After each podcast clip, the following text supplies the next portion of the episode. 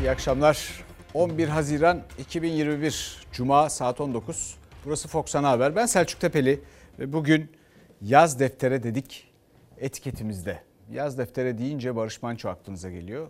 Gerçi o şarkının adı Sarı Çizmeli Mehmet Ağa. Yaz deftere deyince Semiha Yankı diyenler de olacaktır. O da yaz en sona beni yaz şarkısıyla. Lefteri hatırlayanlar da var. Lefter Büyük Andoniadis. Futboldan da bahsedeceğiz bu akşam. Bu 1975 yılında biliyorsunuz Semiha Yankı e, Eurovizyon'da temsil edecek şarkıyla birinci olmuştu. Ne yıllar 74-75 ilginç yıllar gerçekten. Çok önemli gelişmeler, çok önemli insanlar ortaya çıkmış ve ilginç mesajlar var. Yani mesela Semiha Yankı'nın bir şarkısında diyor ki gözlerde yaşlar niye? Mutlu olmak istiyorsan inan sözlerime. Efendim şimdi orada o, o, o yani bu unutulmaz şarkıları 60'ları 70'leri filan dinleyin. Hastayım o baslara. Şimdi devam edelim. Bugün dedik yaz deftere ve ilk haberimize geçelim. Aşılamada bir hızlanma söz konusu. 400 binleri yakaladık gibi günlük. Daha fazlası lazım. Gerçi Cumhurbaşkanı Erdoğan 32 milyon aşılandı diyor ama onun yarısını hesap etmek lazım. Onlar iki doz üzerinden hesaplamıyorlar. Bir doz üzerinden tüm yapılan aşıları hesaplıyorlar. Neyse yani 32 milyon 16 milyon kişi de bir şeydir fakat yetmez. %60-70'imizin aşılanması lazım. Bir hızlanma söz konusu. Aşıda yaş sınırı kalktı gibi çünkü. Çok mutlu olduk tabii ki restoran grupları ön plana alındığı için. Hatta bugün hemen bütün personelimizle randevu aldık. İnanılır gibi değil, randevumuz da hemen yarına verildi. Müşteriyle hep iç içeyiz. Ne kadar korunsak bir faydası olmuyor bence yani. Kendimi düşünmesem de müşteriyi düşünmem lazım. Yakın zamanda da randevumu alacağım. Herkes aşının salgından kurtuluşun tek yolu olduğunun farkındaydı ama aşı yoktu. Artık artan aşı teminiyle birlikte yeni meslek grupları da aşılanmaya dahil edilmeye başladı. 45 yaş üstünün yanı sıra gıda üretim ve dağıtımdakiler, kafe ve restoran çalışanları, berber ve kuaförler, avukatlar, şoförler, kuryeler aşı programında. Yani en kapsamlı aşı seferberliği başladı. Türkiye hızla aşılanıyor. Olsun. Aldınız mı aşı randevu? Aldım, aldım. Bir saat sonra gideceğim. Kuaför camiası olarak işlerimiz belli, çok durmuştu. İnşallah bundan sonra açılır. Pandemi zamanı sürekli kapalıydık. Açıldık, paket servise geçtik, tekrar kapandık. Kalabalıklarla en çok temas edenler arasındaydı kafe ve restoran çalışanları. Çok uzun süre kapalı kaldılar, büyük ekonomik kayıplar yaşadılar ve şimdi yeni açılan aşılama gruplarına onlar da dahil edildi. Burada yaklaşık 10 kişi çalışıyor. Aşı randevularınızı aldınız mı? Aldık aldık, hepsini aldık. Ne zaman olacaklar? Hepsi bu hafta içinde olacak. Biz bir buçuk ay içinde İstanbul'un hepsini aşılarız diye düşünüyorum. İstanbul İl Sağlık Müdürü Profesör Doktor Kemal Memişoğlu da aşılamadaki hızlanmaya dikkat çekti. 80 binlere kadar düşen günlük aşılama son 24 saatte 364 bine yükseldi. 20 yaşının üstündeki herkesin aşılanabileceği bir sürece doğru evrilmemiz gerekiyor ki artık sürü bağışıklığı sağlansın. Haziranda 20 yaş üstünün hedeflendiği söylenmişti. Aslında ekleden yeni meslek gruplarıyla yaş sınırı da kalkmaya başladı. Önemli olan aşıya olan ilgi. Şimdilik Türkiye aşılamada %16,2'de ama bu bile Almanya'nın 1 Temmuz'dan itibaren Türkiye'ye seyahat uyarısını kaldırmasına yetti. Tüm dünyada görülmüş ki bu tür salgınlarda tünelin ucunda görülen ışık aşı, aşıdan başka çaremizin olmadığını bilmek gerekiyor. Biz toplu taşıma aracı kullanıyoruz ve büyük risk içerisindeyiz. Bu yüzden de çok memnunuz. Benim de aşılarım geldi. En gördüm. Gidip yaptıracağım. Aşı randevusu geldi. Aldınız mı aşı randevunuzu? Evet hanımım bu akşam alacak.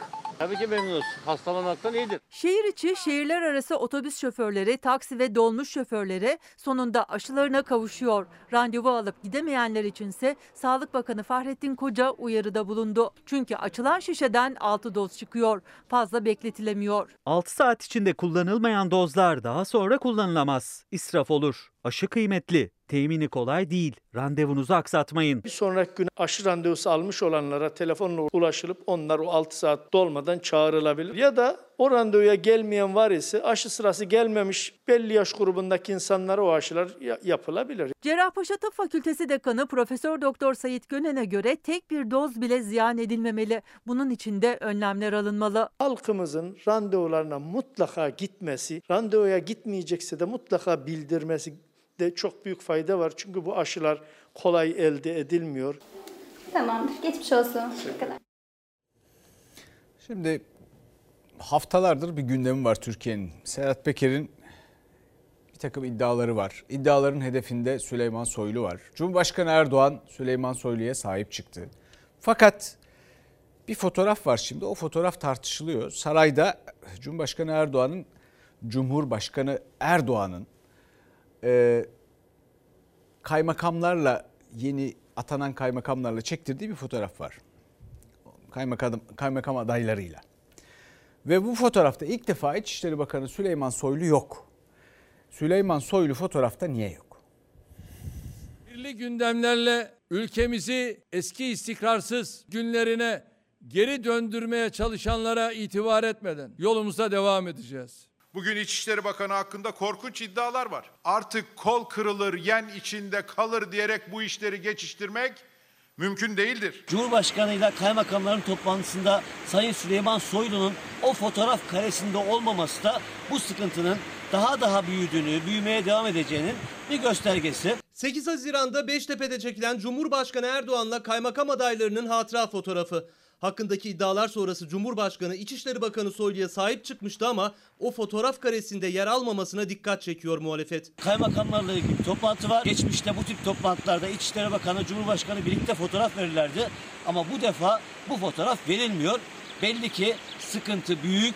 Azdan az çoktan çok. Fotoğrafı Cumhurbaşkanlığı paylaştı. Muhalefet İçişleri Bakanı'nın kendisine bağlı kaymakamlarla ilgili Beştepe'de yapılan geçmiş toplantılarda yer aldığını hatırlatırken 8 Haziran'daki toplantıda olmamasını manidar buluyor. İçişleri Bakanı yürütülecek soruşturmanın selameti bakımından istifa etmek ve Türkiye Büyük Millet Meclisi'nde kurulacak araştırma ve soruşturma komisyonlarında hesap vermek durumundadır. Benim görevim resmi gazete gece saat 2'deki 3'te çıkacak bir haberde biter ya. İçişleri Bakanı istifa çağrılarına böyle yanıt vermişti ama istifa sesleri dinmedi. Soylu'nun her ay 10 bin dolar alan siyasetçi var iddiası sonrası da AK Partili 15 vekilin parti yönetimine İçişleri Bakanı ile ilgili rahatsızlığını ilettiği gündeme gelmişti. 15 vekil toplantı yaptı bilgisi de içerik olarak ifade edilen konularda Bülent Turan Aşkon'a görev verildiği iddiası da doğru olmadığını ifade etmek isterim. AK Parti Grup Başkan Vekili Bülent Turan kulis bilgisini yalanladı. Ama haberi yapan BBC Türkçe sonrasında Turan'la yaptığı görüşmede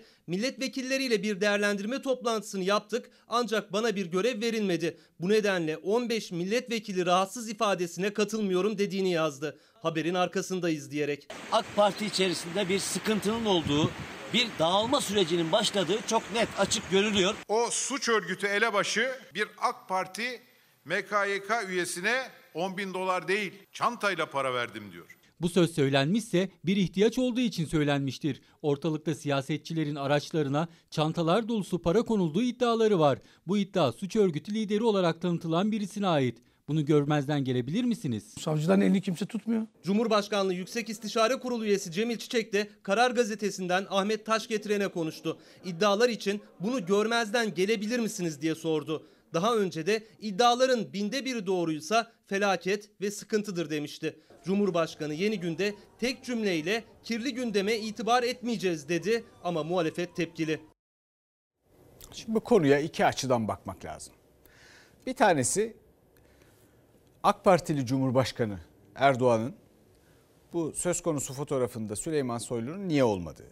Evet. İkincisi de niye AK Partili Cumhurbaşkanı olduğuna dair bir konu. AK Parti içinde işlerin karışması sonrası bütün bu yaşananların aslında çok da bilgi verilmediği için bağlandığı bir yer olabilir mi? Pek çok soru insanın aklına geliyor. Şimdi bir de gözden kaçan konu var. O da ki bana kalırsa asıl mesele. İçişleri Bakanı Süleyman Soylu bir gün önce Afyon'da. Ne yapıyor? Bir konuşma yapıyor. Nerede? Afyon'da bir belde var. Yine e, işte Güney beldesi köymüş, beldeye dönüşmüş. Bir belediye başkanlığı seçimi yapılıyor. 1500 nüfuslu bir yer. İçişleri Bakanı orada oy istemek üzere bir konuşma yapıyor. İçişleri Bakanı orada kendisi de. Eski sistemde İçişleri Bakanı, Ulaştırma Bakanı yani bunlar Adalet Bakanı seçimin adil olması için görevlerini bırakırlardı. Gerçi o genel seçimlerle ilgili bir şey ama bu tabloda akla gelen şey o. Burada yeni sistemde böyle bir ihtiyaç görülmemiş ve dolayısıyla böyle bir e, uygulama yok. Önümüzdeki yıllarda nelerle e, ilgili konuşacağız, e, neler dikkat çekecek buna dair bir ipucu veriyor gibi. Şimdi gelelim diğer iki meseleye. Haftalardır ülke bir takım iddialarla çalkalanıyor. İddiaların hedefinde İçişleri Bakanı var. Ortada hiçbir e, yargı süreci yok gibi görünüyor. Bir yere varmıyor bu iş. Ve insanlar merak ediyorlar ne olacak? İddialar ciddi. İçeriden bir takım iddialarmış gibi görünüyor bir yandan. Cumhurbaşkanı Erdoğan da konuyu kapattı. Dedi ki bunlarla uğraşacak vaktimiz yok. Harcayacak vaktimiz yok.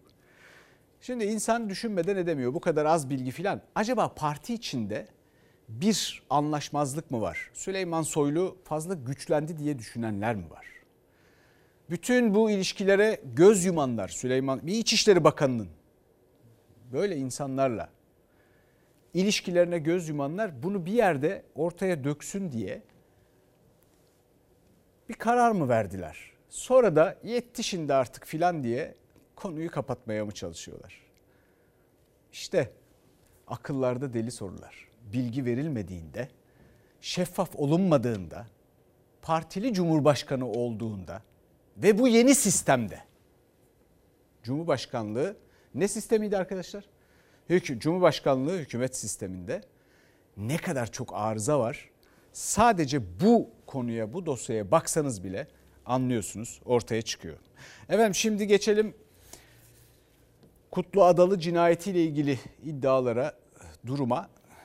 Cumhuriyet Halk Partisi Genel Başkanı Kemal Kılıçdaroğlu Kıbrıs'ta Kutlu Adalı'nın Kıbrıslı Kuzey Kıbrıs Türk Cumhuriyeti gazeteci e, orada kabrini ziyaret etti ve iddialara konu olan pek çok bununla ilgili e, tartışma var bir yandan ama e, ortada orada da bir gelişme yok.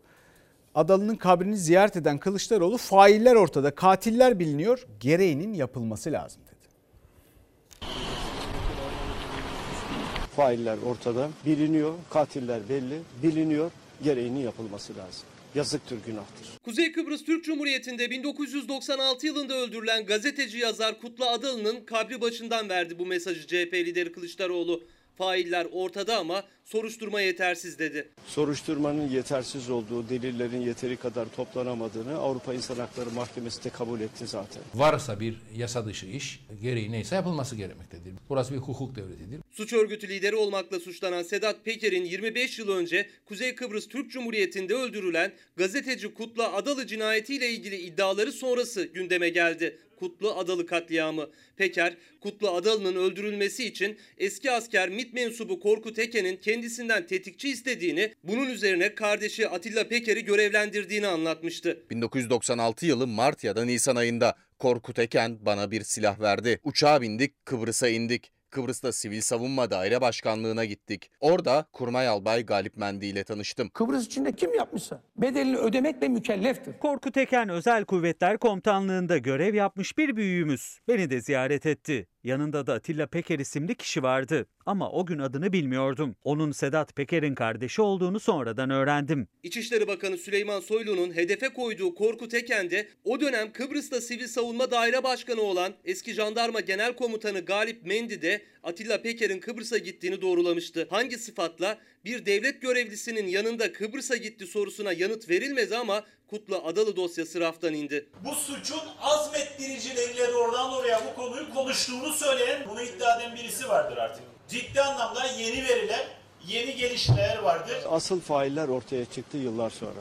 Hiçbir faili cinayet kapatılmamalı, üstü örtülmemelidir. Failleri yakalanmalı ve cezası verilmelidir. Sağlıklı bir soruşturmayı yapmak ve sonuç almak artık siyasetçilerin, Türkiye'deki Kıbrıs'taki siyasetçilerin ve savcıların namus borcudur. Kuzey Kıbrıs Türk Cumhuriyeti'nde araştırma komitesi kuruldu. CHP lideri Kılıçdaroğlu Kıbrıs ziyaretinde hem Adalı'nın kabrini hem de ailesini ziyaret etti. Sosyal medyadan da hesap soracağız dedi. Kutlu Adalı'ya mezarının başında söz verdim. Devlete sızmış çeteler kendilerine ister derin ister sığ devlet desinler hepsini temizleyeceğiz. Hesap verecekler. İtiraflar, ortaya çıkan yeni bilgiler. Kutlu Adalı cinayeti yıllar sonra aydınlatılabilecek mi? Gözler açılan soruşturmada.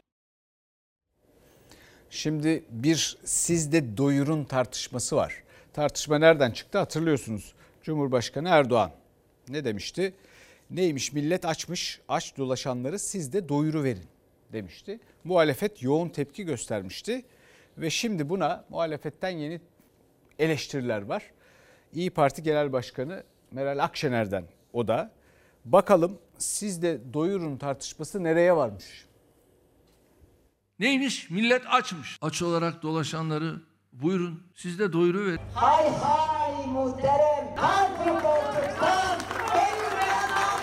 İktidarla muhalefeti karşı karşıya getiren açlık ve açları doyurma polemiğinde Cumhurbaşkanı'na resle karşılık verdiği İYİ Parti lideri Meral Akşener, Cumhurbaşkanı'nın sözlerine tepki yeni günde de devam etti. Ne güzel diyor atalarımız. Aç doyar, aç gözlüler doymaz. Duran, uçan, kaçan saraylarınızda keyif süreceksiniz.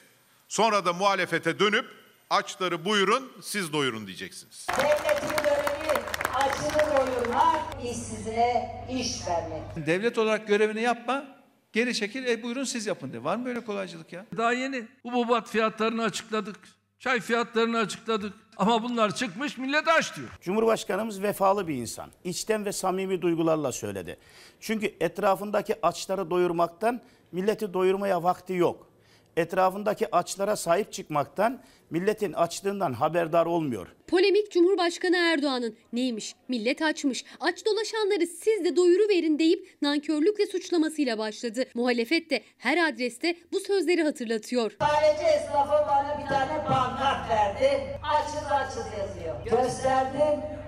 Aa kızdı. Döndü dedi ki kahveci esnafı nankörler dedi. Nankörlük biliyorsunuz parayla değil. Nankörlükten bahsediyor. Ya bu ülkede tek bir vatandaş dahi açsa onu gidip bulmak devletin görevi, devletin. Muhalefet bu memleketin bütçesini mi yönetiyor ya? Muhalefetin elinde vergi gelirleri mi var? Sayın Cumhurbaşkanımız bu konuda da çok başarılı, takdir ediyorum.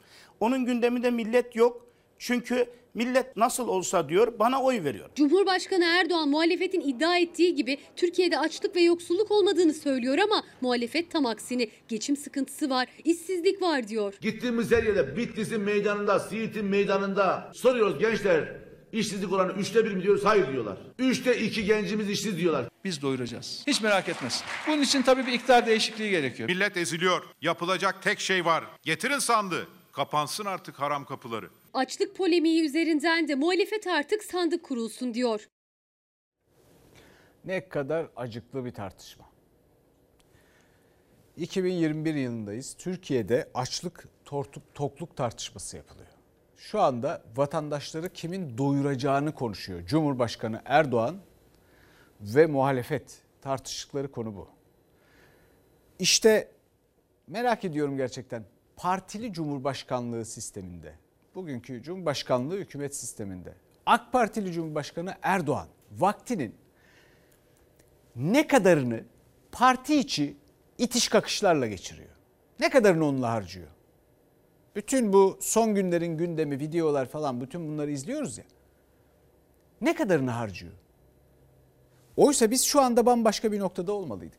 Bu ülkenin nimetleri, imkanları, doğası, zenginliği, insanı, marifeti bunu gerektiriyor. Böyle bir siyasi performans gerektiriyor. Üreten, tüketen, efendim bunlardan marka yaratan, markayı da nasıl yaratan? Ürettiğini kendi tadını çıkartarak, üreten tadını çıkartarak tüketebilen bir ülkeden bahsediyorum. Bunu yaparken bir mutlu tablo çizen ve bununla yaşam biçimiyle marka olan, zenginliğini yansıtan, marifetini yansıtan Ve o ürünü bu ürünü daha ucuz olduğu için değil. Bu yaşam biçimi, bu mutluluk tablosu, bu insanların tebessümüyle, bu insanların haliyle görüp ben de arasına katılmalıyım diye tüketecek ihracat yaptığınızda başka yabancı bir takım insanlar gelecek. Böyle bir ülke olmalı. Ama öyle mi oluyor? İtibardan tasarruf olmaz deniyor. Ne için yapılıyor itibar? İsraf. Ya da is- israf ne için yapılıyor? İtibar için. İtibar böyle bir şey değil. İtibar sizin halkınıza ne kadar saygı duyduğunuzla, onların bu ülkenin zenginliğini ne kadar paylaştığıyla, üretirken cefayı paylaşanların tüketirken sefayı da paylaşmasıyla ilgili bir şey işte. Bu düzeni kurmak o kadar zor değil ya. Kurulmadıysa yaz deftere. Şimdi geçelim işte bu tabloda veresiye her yerde. 5 liralık bile verdiğimiz var. Bu kadar kıymadan ne yemeği olur? Ancak işte tadı olsun. Kokusunu versin. Başka yani e, doyumlu kalmıyor, tadımlı kalıyorlar. 10 bin lira yakın bir veresiye var. Ekmeğin arasına sadece bir domatesle alıp gidenler bile oluyor yani. Anne dedi döner ekmek al. Oğlum dedim yanımda param yok. Alamadım. Evde paranız var mı?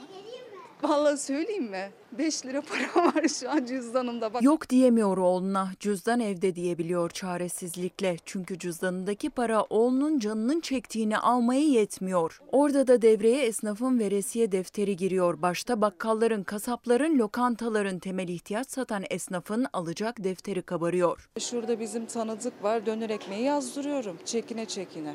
Eşimin aldığı maaşla gerçekten yetiştiremiyoruz. Bakkala yazdırıyoruz. Ekmek yazdırıyoruz. Ekmek. Tabii süt yazdırıyorum. Bunlar bir şey istedikleri zaman hayır dediğim zaman benim şuram şey oluyor. Ağlıyorum yani. İki çocuk annesi Derya Özdemir'in söze dahi dökemediği o yokluk kimi zaman yaş olup dökülüyor gözlerinden. O ve diğer anneler, babalar, işsizler çareyi veresiye yazdırmakta buluyor. Şu kıyafetleri alamadım ben. Başkası verdi yani. Erzaklarımızı okuldan karşılıyorlar. Allah razı olsun öğretmenlerimizden. Yazmasalar borç defterine ne yapacaksın? Yazmasalar aç kalırız. İşe zam gelmiyor ama her şeye zam geliyor yani. Yani ne olacak sonumuz Allah hayır etsin. Bakkal dışında yazdırdığınız başka bir yer var mı?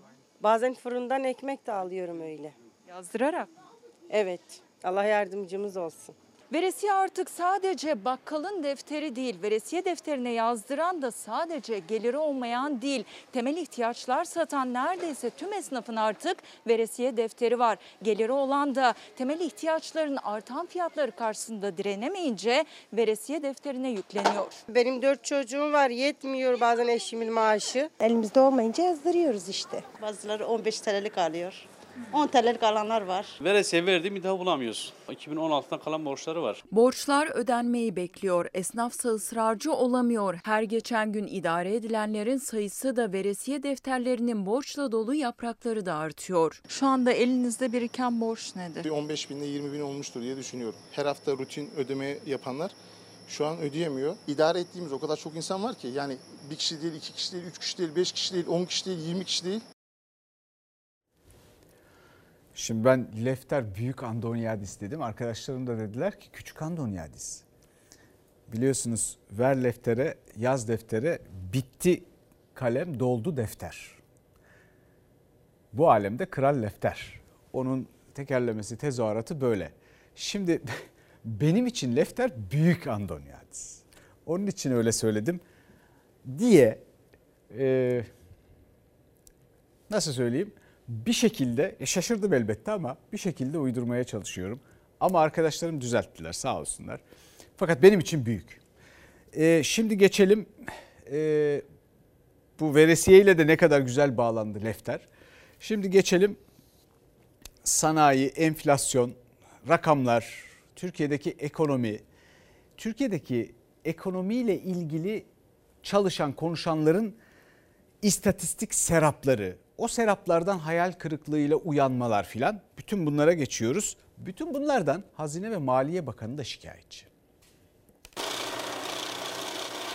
Enflasyon nitelikli ve sürdürülebilir büyümenin önündeki en temel engeldir. İlk çeyrek büyüme rakamlarımız yine yeni rekorlarla açıklandı. Enflasyonla mücadeleyi bu ülkenin refahı için mutlaka kazanılması gereken bir savaş olarak görüyoruz. Enflasyondaki düşüşün sürmesi de başka bir sevindirici haberdir. Cumhurbaşkanı Erdoğan'ın çizdiği olumlu tablonun aksine enflasyonla mücadele kavramını bir üst seviyeye çekti Hazine ve Maliye Bakanı Lütfi Elvan. Savaş olarak görüyoruz dedi. Enflasyonun büyüme önünde engel olduğunu söyledi. Zaten yüksek olan enflasyonun dizginleneceğine dairse beklentiler düşük. Merkez Bankası anketinden daha önce %13,81 çıkan enflasyon beklentisi %14,46'ya yükseldi. Yüksek enflasyonun olduğu bir ortamda sanayici önünü göremediğinde ekonomik istikrardan da bahsetmek mümkün olmaz. Bakan Elvan 11 ay sonra ilk kez sanayi üretiminin daraldığı gün sanayicinin önünü göremediğini söyledi. Ankara Sanayi Odası'nın toplantısındaydı. Ekonomiye dair benzer tespitler hem çevrim içi oturumda hem de kürsüde ASO Başkanı Nurettin Özdemir'den de geldi. Türkiye iflas artışı bakımından dünyada ilk sıradadır. Sanayi sektörünün finansmanı, borcun borçla çevrildiği, yüksek riskli ve sürdürülebilir olmayan bir yapıdadır. Son dönemde döviz bazındaki artışlar sanayicinin üretim gücünü önemli ölçüde azaltmaktadır. Dövizdeki artış sanayicinin en zorlandığı maliyet kalemlerinden. Onda da yıl sonuna kadar düşüş beklenmiyor, aksine artacağı tahmin ediliyor. 10 lira olacak ya 15 lira olacak ya 6 liradan 7 liradan toplayalım dolarları. Ha 10-15'e satarız. Dolar düştü 5 liraya. Merkez Bankası'nın anketine göre yıl sonunda dolar beklentisi 8 lira 71 kuruştan 8 lira 95 kuruşa yükseldi. %40'a yaklaşan üretici enflasyonuyla TÜİK'in %16'larda açıkladığı tüketici enflasyonu arasındaki fark Bakan Elvan'ın da takibinde. Sanayicilere göre bu durum büyümeyi de etkileyecek. Son dönemde üretici fiyatları ile tüketici fiyatları arasında artan makas bizleri oldukça rahatsız ediyor. Maliyet kaynaklı gelişmeler de üreticinin üretim yapma yeteneğini ciddi anlamda azaltmaya devam ediyor. Bu gelişmeler sonraki çeyreklerde büyüme dinamiklerini olumsuz yönde etkileyebilir. Şimdi bu istatistik serapların içinde e, kulaç atmaya çalışan bakan ve onun yanında pek çok kişi var bu ülkede. Türkiye'de şöyle bir mesele var. Büyük bir işsizlik var. Çok büyük bir işsizlik var. Türkiye çalıştırması gereken gerçekten çalışkan üstelik. Yani hiçbir Akdeniz ülkesine benzemeyecek bir karaktere sahip Türkiye. Hepsinden daha çalışkan ama iş yeri yok insanların. Büyük bir işsizlik var ve çalıştırması gerekenin yarısı kadar insanı çalıştırıyor. Onları da çok az gelirle çalıştırıyor. Ve ürettiği de yeterli değil. Sonra bir de mesleksizlik problemi var. Türkiye'de kaç meslek var mesela? Bunu soralım birisi cevap versin. Kimse bunun envanterini tuttu mu? Kaç meslek var Türkiye'de? Başka ülkelerde, ciddi ülkelerde bu vardır. Önünüze çıkar. Görürsünüz bunu. Sayıyı bilirsiniz. 11 bin, 12 bin. Tek tek yazılmıştır. Mesela Avrupa'da vardır. Sonra bir takım hayaller var. Bu hayaller pompalanıyorlar. Siyaset tarafından bilhassa. Bir de gerçekler var. Gerçeklerle karşılaşınca hayal kırıklığına uğruyoruz. Hayallerimizle gerçekler arasındaki fark bizim kronik enflasyonumuz. Bakanı rahatsız eden asla çözemediği, sürekli düzeltmeler yapıp öngörülerini tutturamadıkları o enflasyon var ya kronik enflasyon. Anlatılan hayallerle veya yalan yanlış bir takım başka bilgilerle gerçekler arasındaki fark. Neyle kapatmaya çalışıyoruz onu? Onu borçla kapatmaya çalışıyoruz, ithalatla kapatmaya çalışıyoruz işte. Efendim şimdi ekonomi ilginç bir şey. Ekonominin çaresi tam olarak ekonomide bile değil. Bakın Ece Güner Toprak'ın bir kitabı var. Demokratik bir anayasa önerisi başarabiliriz diye. Doğan kitaptan çıkmış. Orada bir cümlesi var. İlginç bu anayasa önerileri bugünlerde artmaya başladı. Diyor ki ekonomiyi hukuk tedavi edecek. Bir defa doğru yerde aramak lazım tedaviyi, teşhisi doğru yere koymak lazım. Bakın aşıyı bulan Türkler var. Türkiye'de değil. Şimdi belki arkadaşlar milli takımımızı verelim. Verelim milli takımımızı. Bu akşam ilk maç. Başarılar diliyoruz. Arkalarındayız, yanlarındayız. Ve o kadar iyi bir milli takım ki ben, benim ümidim şampiyon olmaları. Eğer bu sene şu ya da bu şekilde şu ya da bu şanssızlıkla olmazsa bile muhakkak bu takım veya bu takımın oluşturacağı, yaratacağı çizgi şampiyon olacak. Avrupa şampiyonu olacak. Önemli bir şey. Takımımızın 8 oyuncusu yurt dışında başka takımlarda oynuyor. Çoğu dışarıda yetişti. Bu bize bir şey söylüyor. Aşı buluyorlar.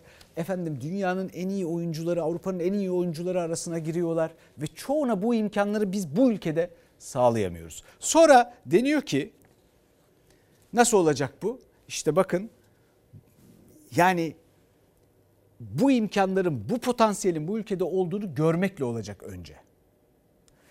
Efendim şimdi geçelim. Başarılar dileyelim milli takımımıza bu akşam yine. Futbolla ilgili de bir dakikada reklamlardan sonra çok güzel bir bölümümüz olacak. Onda yine bahsedeceğiz bu konudan. Şimdi geçelim ee, bir NATO zirvesi var pazartesi günü. Ee, ve en çok beklenen, merak edilen konu e, Cumhurbaşkanı Erdoğan'la e, Amerika Birleşik Devletleri Başkanı Biden arasındaki görüşme. Acaba neler konuşulacak?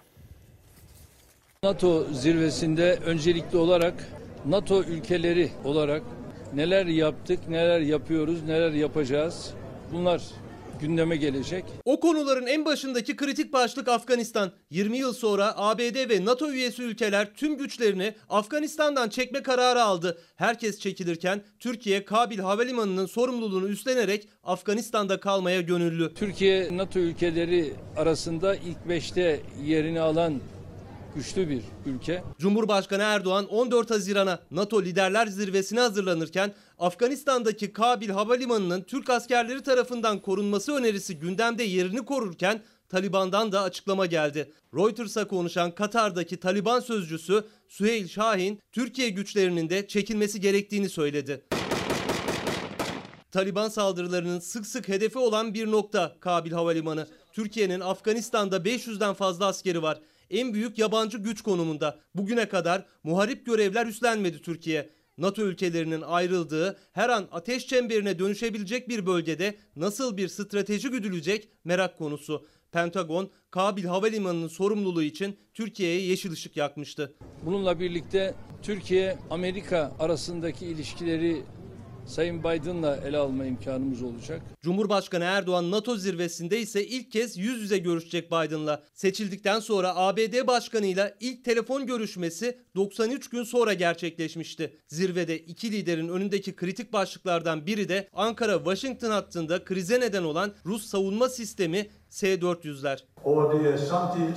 Muhataplarımızın teknik anlamda kaygısını ele almaya hazır olduğumuzu belirttik.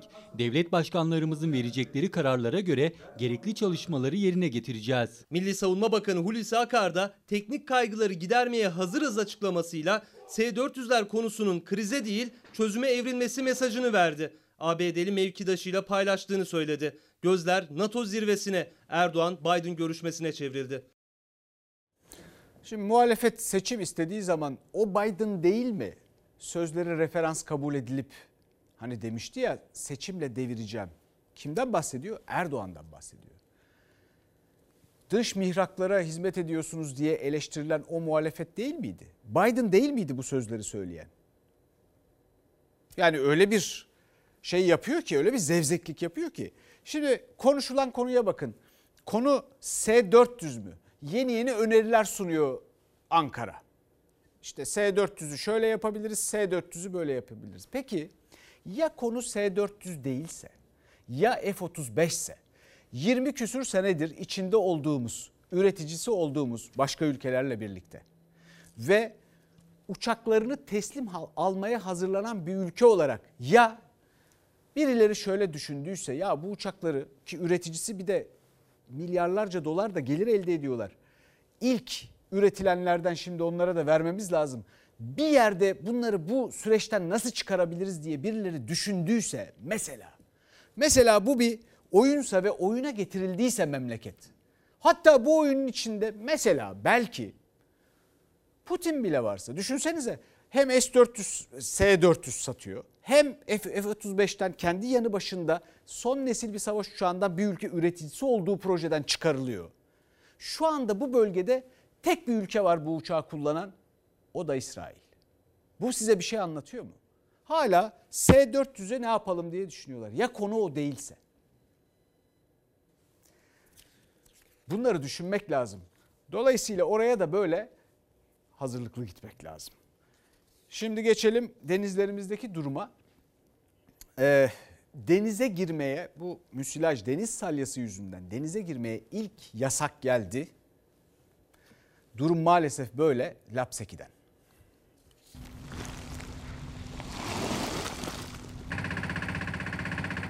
Artık uzaydan bile görülebiliyor. Marmara Denizi'ni saran tabakada tehlikenin boyutu da her geçen gün büyüyor. 10 günde deniz salyası yoğunluğu 3 katına çıktı ve ilk resmi denize girme yasağı da geldi. Çanakkale İl Sağlık Müdürlüğü Lapseki sahilinden alınan numuneleri inceledi, denize girilmesini yasakladı.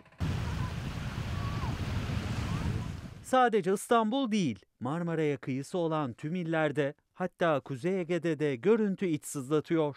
Bir yandan acil eylem planı kapsamında çalışmalar sürerken Cumhurbaşkanı Erdoğan da akademisyenlerle bir araya geldi. Müsilaj meselesini ve denizlerimizdeki kirliliği ortadan kaldırmak için siz bilim insanlarımızın tavsiyeleri bizlere yol gösterici olacaktır. Atık suların arıtıldıktan sonra denize geri verilmemesi ve sulamada kullanılması sağlanmalıdır. Sıralanan önerilerden biri buydu. Atık suların arıtılsa bile denize geri verilmemesi. İstanbul Büyükşehir Belediye Başkanı Ekrem İmamoğlu ise atık suların yıllarca arıtılmadan denize verildiğini söyledi. Kendi başkanlığından önceki dönemi işaret etti. Son iki yıldaki denizi korumaya yönelik yatırımların videosunu paylaştı. Değerli İstanbullular, göreve gelince fark ettik ki meğer yıllardır İstanbul'un birçok noktasında kanalizasyon doğrudan denize veriliyormuş.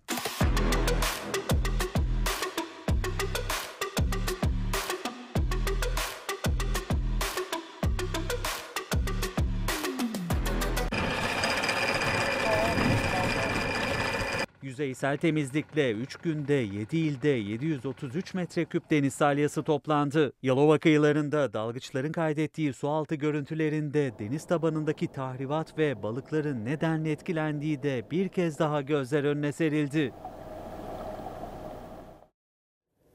Şimdi bir izleyicimiz demiş ki e, yaz deftere de yazılacak ne kaldıysa ülkede her şeyimiz ipotekli. E, Biraz öyle bir durum var tabii. Ama neyse siz en azından bunlar ma- maneviyat böyle olmasın. Yani olacak, iyi olacak merak etmeyin. Şimdi e, geçelim Cumhurbaşkanı Erdoğan'ın bir e, ilginç e, mesajı var. İlginç bir diyaloğu var. E, kentsel dönüşümün en sorunlu noktalarından biri İstanbul'da biliyorsunuz Üsküdar. Üsküdar'da bir cami açılışındaydı Erdoğan ve konu kentsel dönüşüme geldi. Kentsel dönüşüme gelince mahallelinin de bir e, konuyla ilgili e, tepkisi oldu. E, bununla ilgili de şöyle bir demeç verdi Cumhurbaşkanı Erdoğan. Dedi ki Üsküdar Belediyesi adım atmazsa oturma eylemi yapın ben de yanınızda yer alacağım. Kirazlı Tepe'de, Ferah'ta ne verildiyse aynı sözü sizlere burada ben veriyorum. Dinle efendi bak ne diyorlar. Eğer, eğer vermezse, eğer adımı atmazsa Üsküdar Belediyesi'nin önüne gidin. Orada oturma eylemini yapın. Ben de sizin yanınızda yer alacağım. Cumhurbaşkanı Erdoğan kentsel dönüşümde hak sahiplerinin mağdur olmaması için söz verdi. Üsküdar Belediye Başkanı'nın da gerekli adımları atacağını söyledi. Hakkını alamayan olursa belediye önünde eylem yapın dedi. Eğer adımı atmazsa Üsküdar Belediyesi'nin önüne gidin. Orada oturma eylemini yapın. Ben de sizin yanınızda yer alacağım. İstanbul Üsküdar'da cami açılışındaydı Cumhurbaşkanı Erdoğan. Daha önce Kirazlıtepe'de olduğu gibi kentsel dönüşüm düğümü yaşanan mahallelerden birindeydi. Konuşmasını yaparken bir mahalleli seslendi. Cumhurbaşkanı Kirazlıtepe'de verilen sözleri burada vermiyorlar. Dinle efendi bak ne diyorlar. Kirazlı Tepe'de verilen sözler burada verilmiyor diyorlar. Aynen devam edeceğiz Sayın Cumhurbaşkanı. Tamam mı? Üsküdar Belediye Başkanı'ndan söz aldı Erdoğan. O söz tutulmazsa da mahallelinin hakları için eylem yapmasını önerdi. Kentsel dönüşüm, değişim noktasında belediyemize yardımcı olun. Eğer adımı atmazsa Üsküdar Belediyesi'nin önüne gidin. Orada oturma eylemini yapın. Ben de sizin yanınızda yer göre. Cumhurbaşkanı Erdoğan uzun yıllar hatırlanabilecek bir söz sarf etti Üsküdar'da. Şimdi geçelim Trabzon'a. Trabzon'da Yomra ilçesinin İyi Partili Belediye Başkanı Mustafa Bıyık'a silahlı saldırı yapıldı, düzenlendi. Belediye başkanı yara almadı. Elbette bir şok etkisi yarattı. Saldırgan da kayıplara karıştı.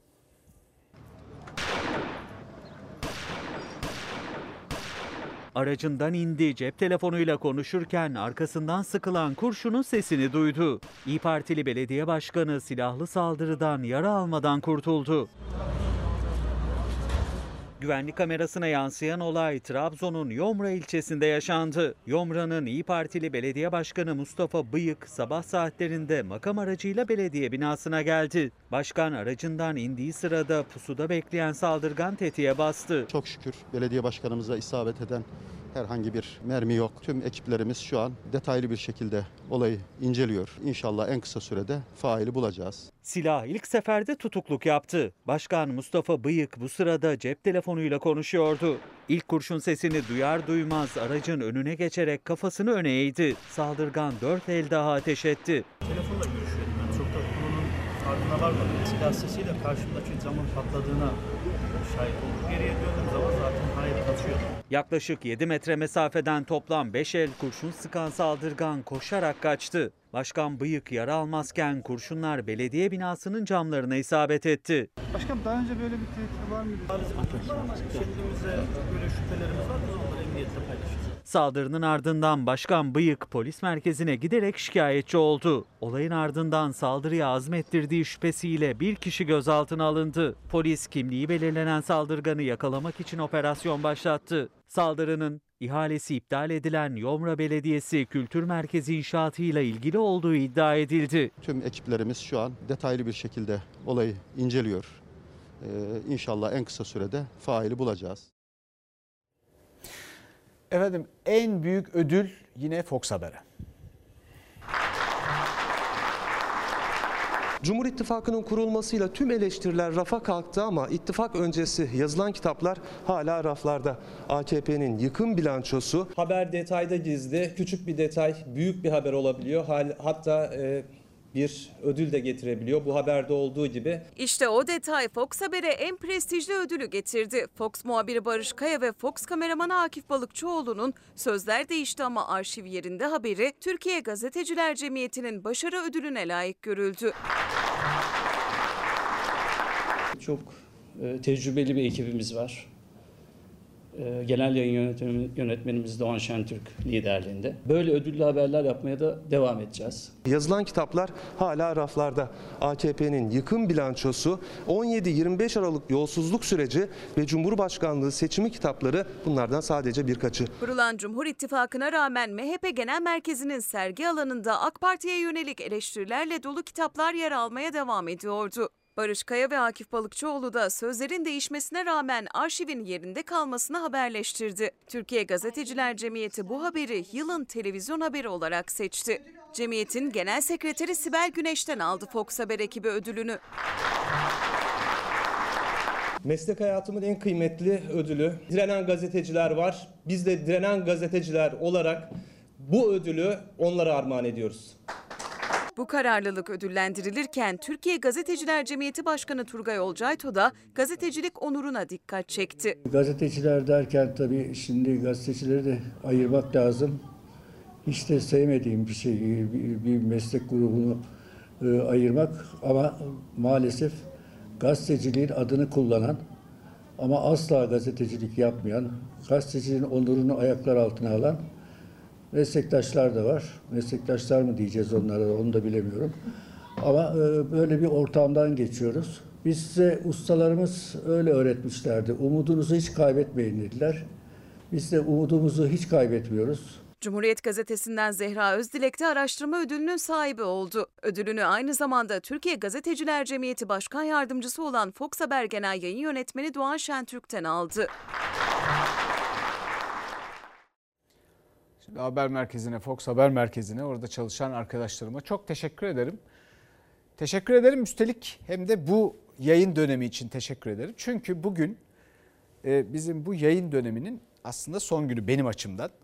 E, bir yaz, kısa bir yaz tatili e, süreci var. Ondan sonra yeni de yayın döneminde tekrar bir araya geleceğiz. Dolayısıyla ödülle birlikte bütün yıl içinde teşekkür ederim. E, yani tutkuyla yapmaya çalıştığımız bir yıldı. Benim açımdan öyleydi. Belki de bazen alışılmamış şeyler söylemiş, yapmış olabilirim. Ben böyleyim. Ee, ve bir yandan da bu aynı zamanda zor da olabilir. O yüzden bana e, burada ve her yerde, ekran başında tahammül eden herkese de teşekkür ederim. Ee, dolayısıyla şimdi bir dakika bölümünde tekrar buluşacağız ama yaz tatili öncesinde de bu yayın döneminin sonunda bir dahaki önümüzdeki yayın döneminde buluşmak üzere ee, kısa bir ara verelim. Şimdi o kadar çok iyi şeyler söyleyen insanlar var ki ve o kadar iyi ifade etmişler ki daima düşünürüm. Ya biraz daha iyi söylenebilir miydi bu diye. Ee, bunları ben düşünürüm ama bizim arkadaşlar burada rejidekiler onlar da düşünüyorlar. Mesela Büyük Andoniyadis dediğimde doğrusunu isterseniz kıvırmaya çalıştım. Benim için büyük. Abi dediler olmadı. olmadı mı? E olmadı. E, bir hataydı. Ama hep düşünür insan. Şimdi bu akşam bir maç var. Futbolda bu çok acayip, çok iyi lafların edildiği alanlardan bir tanesi.